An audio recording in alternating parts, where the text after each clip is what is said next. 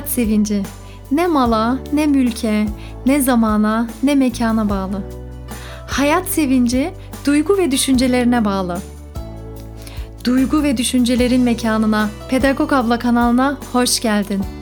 İsmim Ebrar Demir. Uzman pedagog olarak kaybettiğin hayat sevincini tekrar bulman için seni destekleyeceğim. İyi dinlemeler.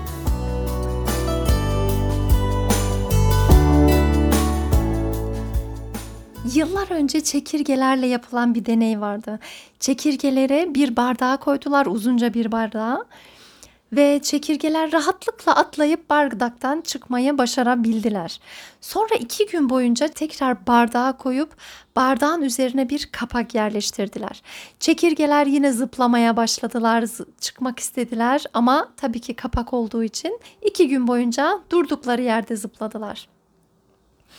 Aradan iki gün geçtikten sonra bardağın kapağını tekrar açtıktan sonra çekirgeler artık bardağın dışına çıkmayı başaramadılar. İki gün boyunca kapaklı olduklarından sonra kapak çıksa bile çekirgeler durdukları yerde artık zıplamaya başladılar ve bu biz insanlarda da aslında böyle hayatın içerisinde kısıtlandığımız dönemler oldu. Okul sisteminden geçtik. Neticede Belki başkalarıyla kıyaslandık ve mutsuz olduk. Gaddar insanlarla karşılaştık. Bize kötü olduğumuzu söyleyenler oldu. Belki bu sebeple kendimizi yetersiz hissettik ve artık kendimize bir çıta belirledik ve bu çıtadan daha ileriye gidemeyeceğimize karar verdik.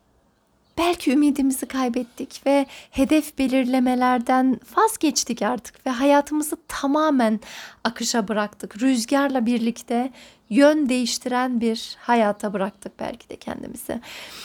Düğün gibi, kına gecesi gibi, hatta doğum gününde bile en ayrı detayına kadar planlarken kutlamaları hayat gibi önemli olan şey elimizde en değerli olan şeyi plansız, hedefsiz ve öylesine bıraktık. Aslında en kötüsü de şurada başlıyor. Hayal kurmayı bırakmakla başlıyor. Hayal kurmanın böyle küçümsendiği bir çağda yaşıyoruz. Hani çabalayacaksın, çalışacaksın, para kazanacaksın. Hayal kurmak da ne? Durduğun yerde hayal kurmak da ne? O kadar önemli. Okulda düşünsenize hayal kuran bir çocuk gördüğünde bir öğretmen ne der? Matematik varken hayal kurmak da nedir der doğal olarak.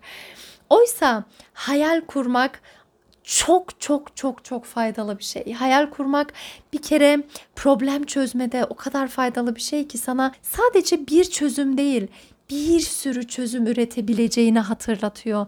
İşte düşüncelerinde e, esnek olmayı öğretiyor sana ve ruhun rahatlıyor. Mesela çok zor bir dönemden geçiyorsun. Bir sürü stres yaşıyorsun bir an böyle bir durup hayallere daldığında bu senin için bir denge oluşturuyor, bir rahatlama veriyor ve bu rahatlamayla birlikte tekrar güç kazanıyorsun. Ve hayal kurmanın bize en çok kattığı şey de benliğinle ilgili ilerlemek. Hayal kurduğunda her zaman başrolünde oynayan sensin ve hayal insan hayali hep e, sevdiği mekanları görür, sevdiği şeyler yaptığını görür. Hayaller her zaman yeteneklerle de bağlantılıdır ve senin isteklerinle de bağlan bağlantılıdır ve bu hayallerle birlikte neleri yapmaktan hoşlandığını, gelecekte kendini nerede görmek istediğini ve senin en güzel versiyonunun nasıl olması gerektiğini gösteriyor hayallerimiz bize aslında ve her şeyin ucunda da bir hayal vardır ve bu hayallerle birlikte de hedef belirlemek kolaylaşır ve hedef belirlemek yine çok çok önemli olan bir şeydir. Bir kere bizim bir sürü enerjimiz var.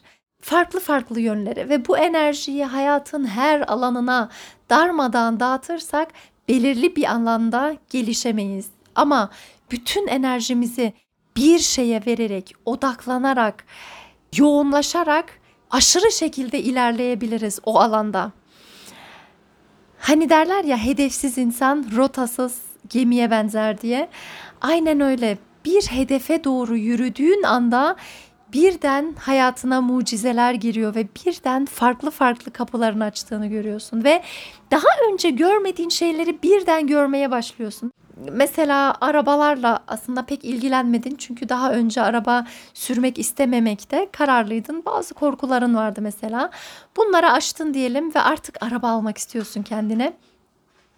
Mesela işte arabaların markasını bilmiyorsun, arabaların hangi rengin daha güzel olduğunu bilmiyorsun ama enerjini e, hedefine doğru yönlendirirsen senin hedefin artık bir araba almak. Hop artık dışarıda yürüdüğünde komple odak noktan arabalara yönlenir ve arabaların hangisinden hoşlandığına bakarsın. Daha önce hiç görmediğin şeyleri şu an keşfetmeye başlarsın. Bu yüzden de hedefler çok çok e, şey katar bize ve motivasyon konusunda hedef kurmak çok çok önemli. Hedefle birlikte bir motivasyon geliyor. Benim bununla ilgili en bariz örnek aklıma gelen kendi hayatımdan işte Almanya'da yaşıyorduk ve sıkıntılı bir dönemden geçiyorduk suçlamalara meyilliydim. İşte eşimi suçluyordum. Nereden çıktı şimdi? Başka bir ülkeye gitmek nedir falan. Sonra hepsini böyle bir bıraktım, kapattım. Işıkla böyle ışığı kapatır gibi düğmeye basarak kapattım ve dedim ki senin derdin ne Ebrar? Benim hedefim ne? Benim ulaşmak istediğim hayatımda eksik olan şey ne? Ve şunu hissettim ben yıllarca işte yüksek lisans yaptım. Çocuklarım da artık büyüyor. Ben artık aktif olmak istiyorum. Topluma faydalı olmak istiyorum. Bir yerlerden tutmak istiyorum gibi istekler çıktı ortaya ve Şöyle bir hedef koydum kendime. Ben güzel bir iş bulursam çalışmak istiyorum. Almanya olur, Türkiye olur, hiç fark etmez. Eşim de bu konuda destekledi ve hedefime odaklandım. Tamamen iş bulacağım ben dedim ve bu hedefe odaklandıktan sonra o olumsuz düşünceler, olumsuz duygular birden gidiverdi. Ney geldi? Onun yerine motivasyon geldi. İşte şu görüşmeye gittim, bu görüşmeye gittim, bu görüşmede böyle dediler bu iş bu şekilde ve bu beni aşırı şekilde motive etti. Hedef koymayla birlikte motivasyonumuz da geliyor ve tek tek bu adımları attıktan sonra hedeflerime ulaşabildim. Ama insan her zaman hedeflerine ulaşabilir mi? Tabii ki bazen ulaşamadığımız hedefler de olabiliyor. Hatta bu ulaşamadığımız hedefler gitgide bizi daha çok zedeleyebiliyor. Kendimize olan güveni yok ediyor. Şöyle düşünebiliriz bir arkadaşımla buluşacağım. Arkadaşım bana e, şu saatte görüşelim diyor. O saatte ama bakıyorum kendisi yok. Sonra bana yine bir şey söylüyor, bir söz veriyor. Sonra bakıyorum yine sözünde durmadı. Derken artık bir zaman sonra ben o arkadaşıma güvenmemeye başlarım. Çünkü güvenimi zedeledi. Güven duygusu veremedi bana. Çünkü sözünde durmadı. Dolayısıyla kendime olan ilişkim de bu şekilde. Eğer ben kendime sürekli bir sürü üstesinden gelemeyeceğim ve düzenleyemeyeceğim hedefleri yüklüyorsam eğer bir zaman sonra artık ha sen yine bir hedef belirliyorsun değil mi? Zaten tutamayacaksın gibi seslerin oluşmasına yol açabilirim. Bu yüzden hedefimiz sadece mantığımızla yapmamalıyız. İçten de gelmesi lazım hedefimiz. Duygularla bağlantılı. Bazen mesela diyet konusunda bu çok oluyor. Mantıken evet ben zayıflamak istiyorum deyip mantıken zayıflamaya yöneliyorsun ama duygular öyle demiyor. Duygular yemek yemekten hoşlanıyor. Duygular işte duyguların mesela sadece o yönde bir mutluluk yaşıyorsun belki. Bu yüzden yine hedeflere bakmak lazım. O zaman e, yine o mutluluğu bir şekilde yaşayacağın bir ortam bu oluşturman lazım. Yanı sıra belki hareket ederek, belki daha farklı hedeflerle o amacına ulaşabilirsin. Hedef belirlemede çünkü mantığın önemli olduğu gibi isteklerin karnımızda olan gönlümüzün, karnımızın, kalbimizin istekleri de önemli. Hedef koyarken işte bu özgüveni zedelememek için de şöyle bir yöntem var önerilen.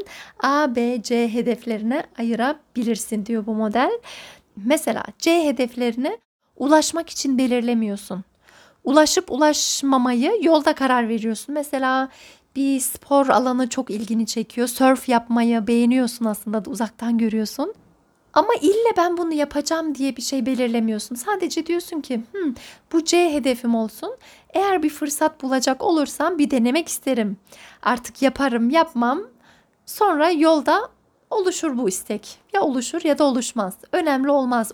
Bu sözünü tutmayınca da zedelenmezsin de. Çünkü biliyorsun ki bu benim zaten C hedefimde. B hedefi belirleyebilirsin. B hedefleri planladığın ve aklında bulunan bir hedef olabilir. Bir yerlerde duruyor ve hayatına yön vermende de yardımcı oluyor. Mesela işte belirli arkadaşların var ilham aldığın, seni bir adım öne götüren, sana iyi gelen ve sen diyorsun ki ben bu arkadaşlarımla sık sık irtibatta olacağım diyorsun. Tabii ki bunu başaramamam doğal olarak herkesin işi de var, gücü var ve her gün görüşemiyorsun belki ama bu önemli değil. Sen planlıyorsun ve bu sana bir yön veriyor ve bu seni iyi hissettiriyor. İlle de her gün arayamasan bile sık sık irtibatta olacağım diyorsun ve bu bir B hedefi olarak bilmiyorum ne kadar mantıklı bir misal oldu. Ama genel olarak da yani ille yapabil yapman gereken bir hedef değil bu ama olması da önemli sana iyi geliyor. A hedefi de mutlaka ulaşmak istenilen hedef.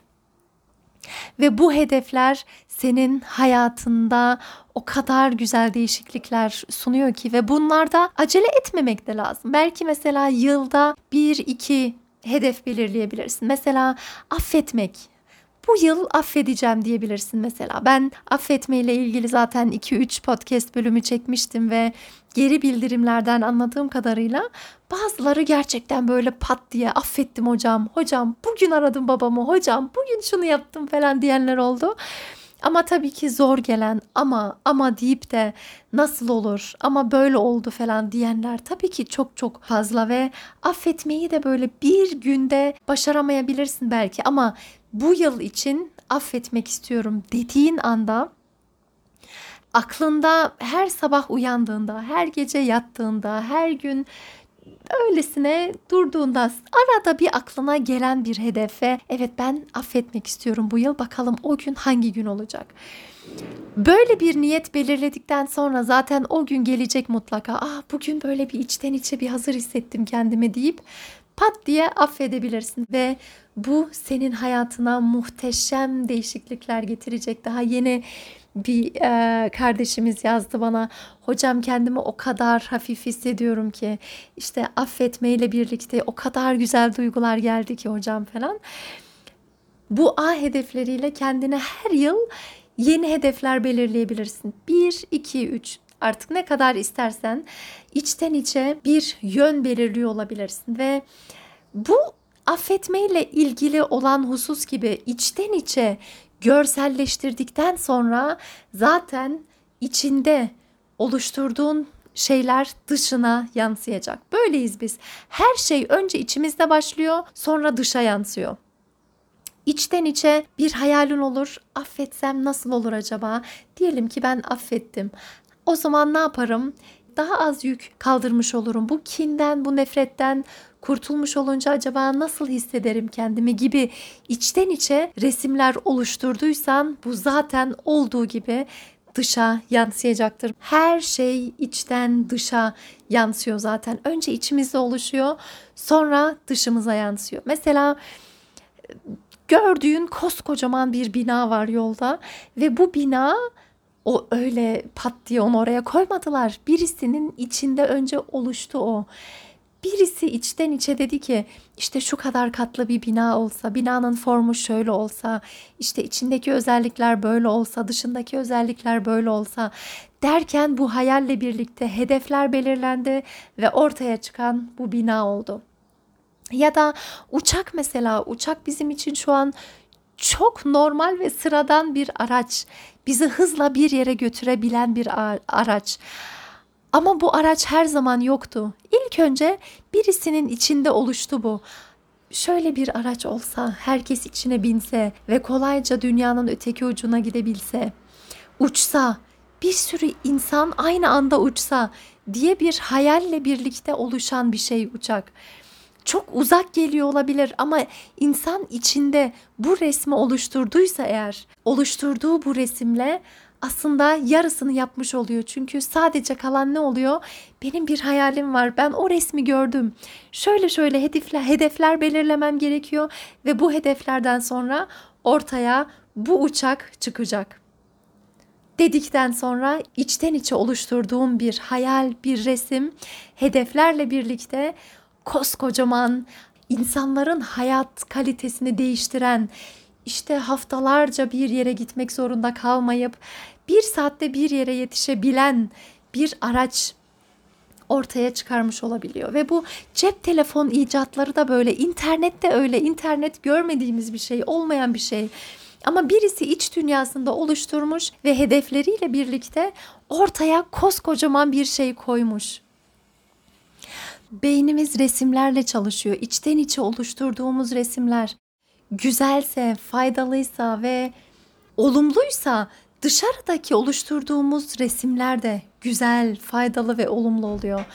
İçten içe beslediğimiz resimler olumsuzsa eğer dışarıdaki oluşturduğumuz şeylerde olumsuz yönü oluyor. Şunu da unutmamamız lazım. İçten içe oluşturduğumuz resimler, kurduğumuz cümleler olumsuz ya da olumluyu ayırt edemiyor. Oluşturduğun resmi olduğu gibi alıyor. Mesela sana şöyle desem sakın şöyle bol taneli, taptaze sıkılmış bir portakal suyu düşünme şu an.